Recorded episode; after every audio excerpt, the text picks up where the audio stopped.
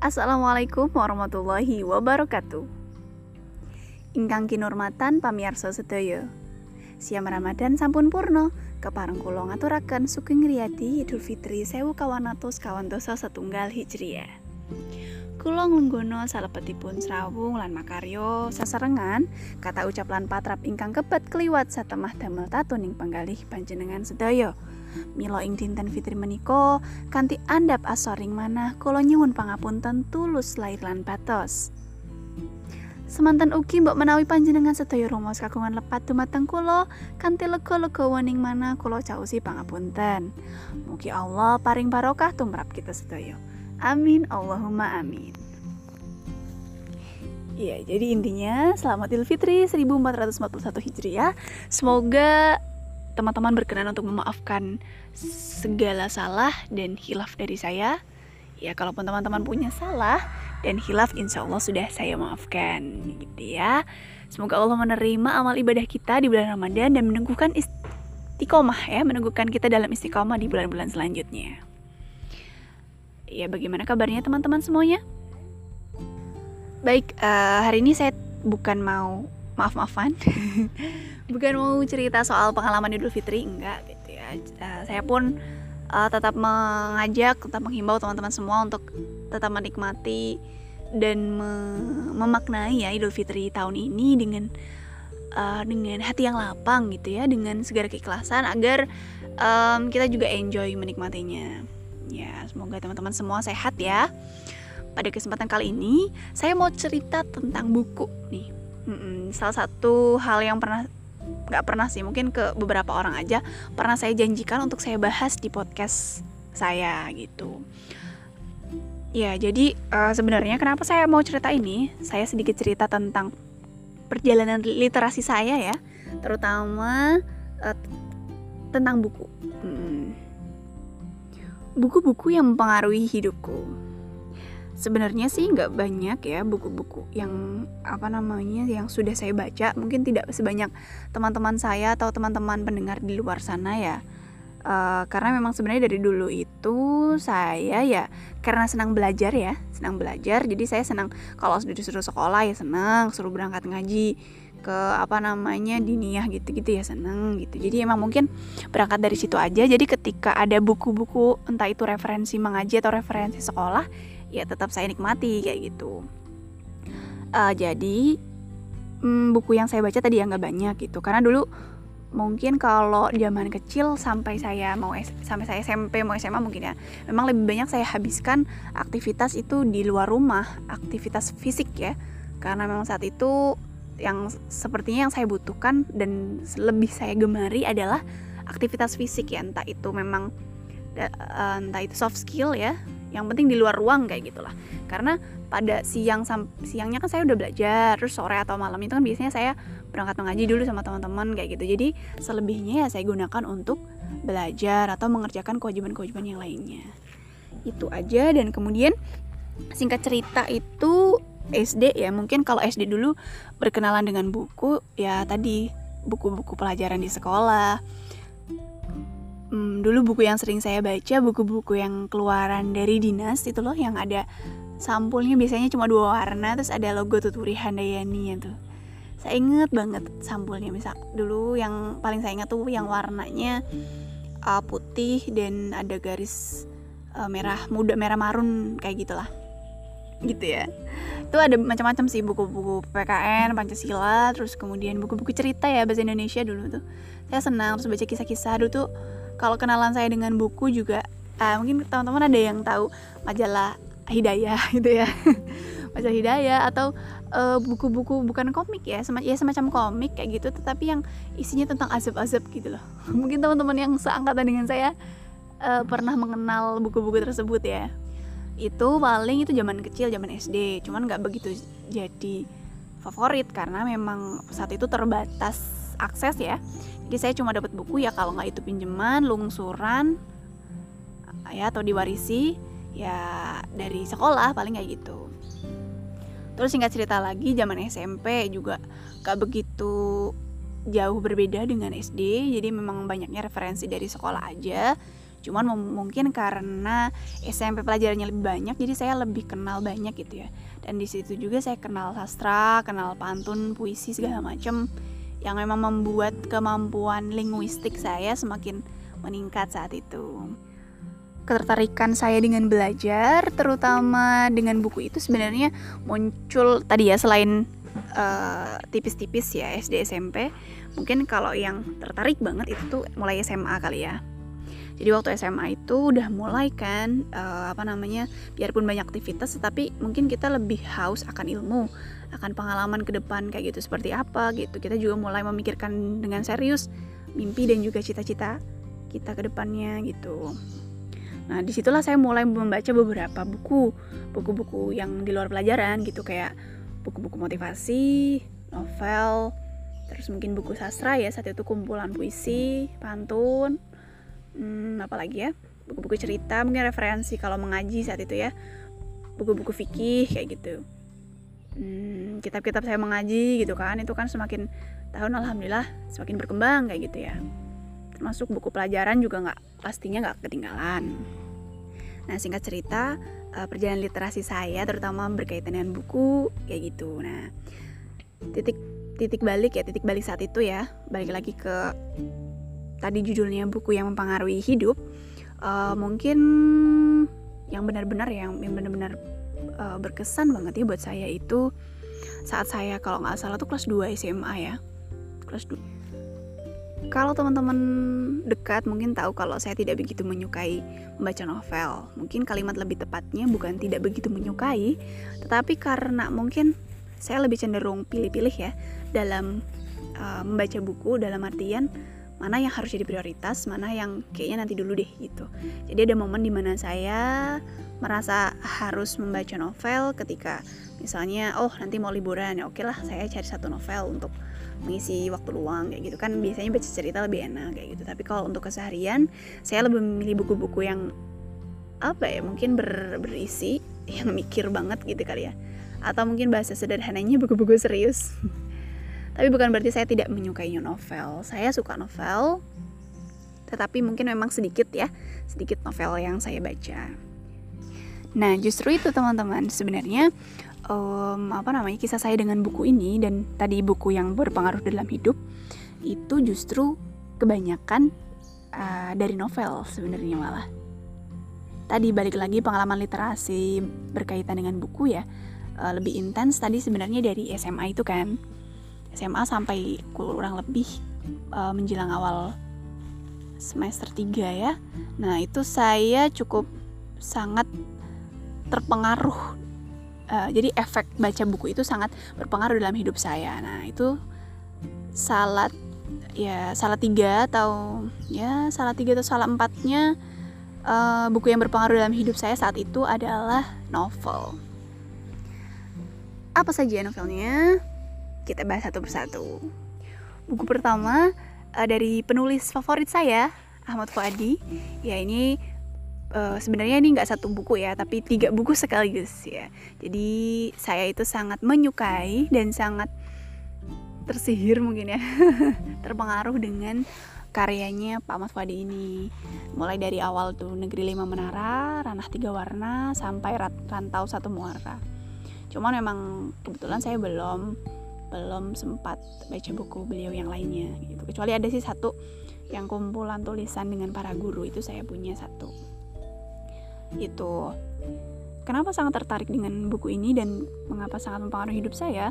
Karena buku itu kayak memotivasi ya memotivasi saya untuk terus bermimpi uh, mewujudkan dan merumuskan cita-cita dan juga sekaligus meramu kira-kira nanti akan seperti apa jalan yang aku tempuh gitu. Jadi ceritanya mungkin singkatnya ketika saya SMA tuh saya cukup visioner. Biarpun sebenarnya nggak detail nggak seperti teman-teman yang harus detail menyusun apa ya target hidup kayak gitu enggak tapi paling tidak saat itu saya cukup apa ya cukup rajin lah ya cukup rajin gitu. Bahkan kayak saya dulu juga ngikutin beberapa nasihat dari para motivator nulis mimpi gitu kan daftar impian itu saya lakukan saya tempel di kamar saya gitu dan ya begitulah singkat ceritanya. Dan buku uh, Afu Adi ini sangat menginspirasi untuk saya gitu dan emang ini juga karena basicnya agama terus pesantren gitu ya karena ada sebenarnya ada keinginan saya dulu masuk pesantren cuman memang tidak diizinkan oleh orang tua dengan berbagai alasan gitu kan. Jadinya uh, itu kayak mengobati rindu dan kayak membuat saya tuh terpacu aja gitu loh. Wah belajar semangat belajar gitu kan. Terus belajar di luar negeri wah terus juga jadi jurnalis menulis. Ah pokoknya itu hal-hal yang saya suka kayak gitu. Bahkan sampai saat ini saya suka gitu. Dan uh, kalau spesial untuk ketiga buku dari Afu Adi ini nggak nggak hanya sampai semester 3 aja bahkan sampai sekarang untuk saya sangat berkesan buku tersebut. Ya kemudian buku kedua dari Muhammad Asad mungkin kalau ada yang ada yang tahu ya teman-teman semua. Muhammad Asad Notes from Qatar. Ini saya sebenarnya nggak sampai hatam baca buku ini. Bahkan yang keduanya juga saya nggak baca. Saya cuma mengikuti perkembangannya aja. Tapi nggak sempat saya beli nggak menyempatkan sih lebih tepatnya. Tapi saat saya baca sedikit bagian dari buku Notes from Qatar ini saya langsung tertarik aja gitu yang tadi saya sudah termotivasi dari uh, sequel Afu Adi tadi ya semakin termotivasi aja dengan adanya buku Muhammad Asad gitu. Saya pikir uh, belajar sepanjang hayat itu kan kewajiban ya. Dan dan ya dengan saya yang punya modal semangat belajar yang cukup bagus saat itu saya pikir wah kayaknya emang dunia pendidikan ini dunia yang emang aku banget kayak gitu saat itu buku yang ketiga buku dari Tereli Bidadari Bidadari Surga. Saya jujur sangat tersihir hmm, dan sangat tersentuh dengan kisahnya Kak Lais yang harus berjuang uh, biarpun bukan anak kandung dari orang tuanya tetapi tetap ikhlas dan berjuang untuk adik-adik dan keluarganya saat itu gitu. Jadi itu kalau nggak salah kelas 2 SMA kelas 2 atau kelas 3 ya saya agak lupa dan saya cukup menyukai itu. Dan kisah Kalais ini juga memberikan pelajaran kepada saya tentang uh, jadi payah orang tua ya saat itu. Orang tua dan kemudian juga kayak tiba-tiba saya tertarik ya saya kan seorang kakak gitu ya dan perempuan. Terus kayak punya tanggung jawab adik dan orang tua gitu jadi kayaknya luar biasa sekali kayak gitu. Dan saya cukup terinspirasi dari situ. Bahwasanya memang salah satu pesan dari keluarga saya kayak gitu ya mungkin orang tua tidak bisa mewarisi harta benda tetapi Minimal upaya dari orang tua adalah mewarisi ilmu. Seperti itu dan itu juga yang Kak Lais berusaha untuk wujudkan seperti itu. Terus ya saya ambil pelajarannya sedikit itu tentang perjuangan seorang kakak gitu ya. Atau juga yang akhirnya berkaitan dengan perjuangan orang tua untuk anak-anaknya gitu. Jadi tadi sih uh, selain kita terpupuk semangatnya untuk belajar, untuk terus belajar dan memperjuangkan mimpi dan juga cita-cita, kita juga harus ingat kepada orang tua yang telah selama yang selama ini ya yang selama ini telah berjuang untuk kita begitu. Buku selanjutnya ini buku motivasi tapi backgroundnya juga agama dari buku Ustadz Felix Shaw.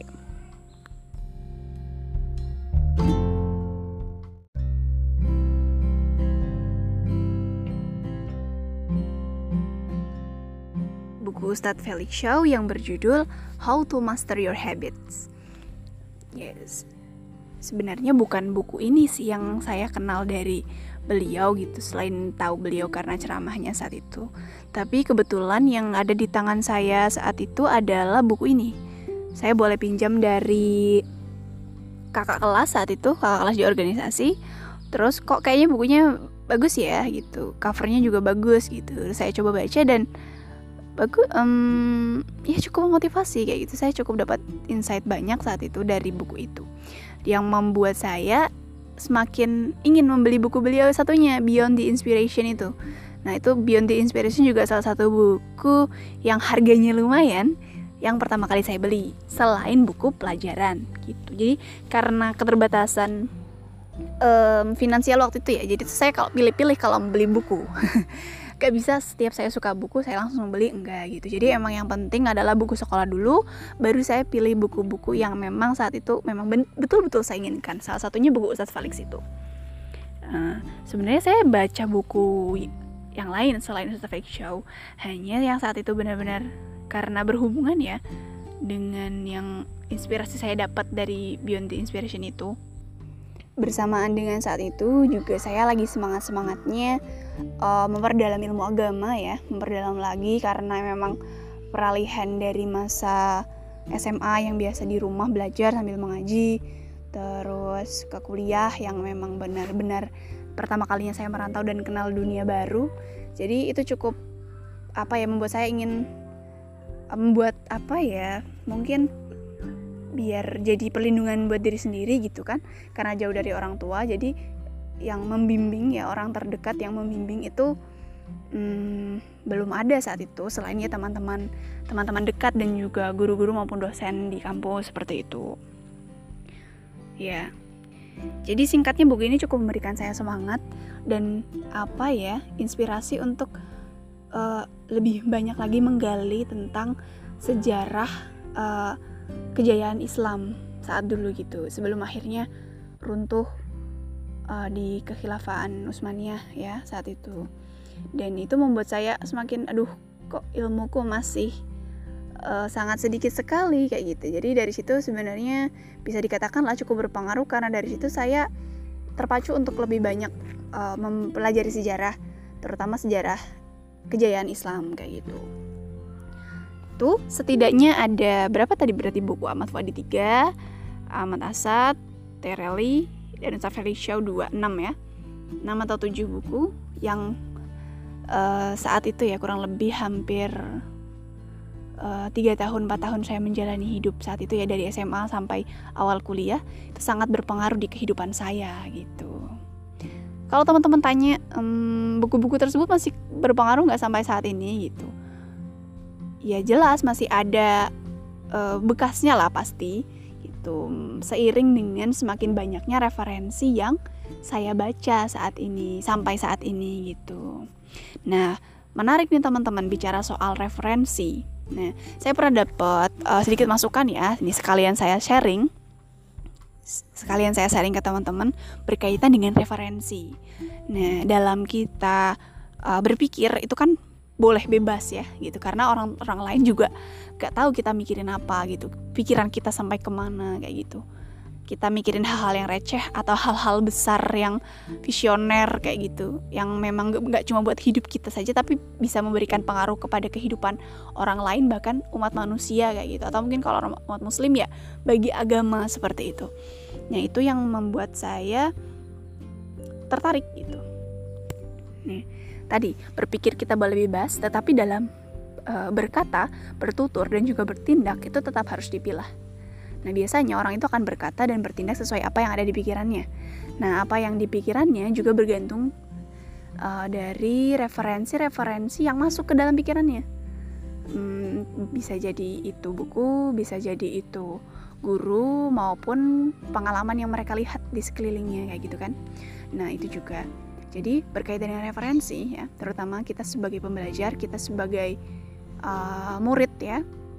Nah, itu kita perlu sekali perlu sekali untuk memperbanyak referensi nih teman-teman referensi mumpung kita masih muda kesempatannya masih luas masih banyak tenaga kita masih ada finansial ya atau uang modal itu masih bisa diusahakan saya pikir uh, apa ya hmm, sebagai sebuah keharusan ya bagi kita untuk berusaha memperbanyak referensi apa pun kayak gitu bisa tadi bacaan ataupun ya segala macam kayak gitu memperluas ruang literasinya kita gitu. Nah, tetapi yang harus jadi catatan penting adalah teman-teman menjadikan referensi-referensi yang kalian dapat tadi naik level menjadi sebuah panduan kalian untuk menjalankan hidup. Nah, itu perlu dipilah. Tadi ya, perbanyak referensi. Nah, menaikkan level level le, maaf, menaikkan level referensi menjadi panduan. Nah, itu perlu dipilah makanya kita tetap butuh guru tetap butuh apa ya pembimbing ya agar uh, tadi kita nggak salah milah kita nggak salah milih tuh akhirnya uh, apa yang referensi-referensi yang menjadi panduan kita nantinya itu berjalan pada jalurnya yang yang sesuai yang tepat seperti itu. Kayak gitu. Gitu saja teman-teman sharingku hari ini terutama berkaitan dengan literasi uh, khususnya adalah buku ya. Perjalanan tentang buku buku-buku apa saja yang mempengaruhi hidupmu. Nah ini dia. Mungkin teman-teman bisa sharing bisa lewat DM di Instagramku @hidayamusli atau di Twitter @hidayamusli. Silakan teman-teman bisa kasih masukan ataupun kasih feedback nih gitu. Kalau saya sharing tentang buku-buku yang mempengaruhi hidup saya, teman-teman bisa sharing juga buku-buku yang mempengaruhi hidup teman-teman semuanya. Terima kasih, stay safe, stay health teman-teman, uh, tetap jaga kesehatan, hmm, tetap menjadi warga negara yang baik, ya yang di rumah selamat berbakti pada orang tua yang masih di tanah rantau tetap juga tetap semangat gitu. Masih ada banyak kesempatan yang insya Allah bisa kalian manfaatkan untuk uh, berbuat baik gitu ya. Semoga kita juga sama-sama dimudahkan untuk istiqomah dalam kebaikan ya di bulan-bulan setelah Ramadan ini. Oke selamat siang. Dadah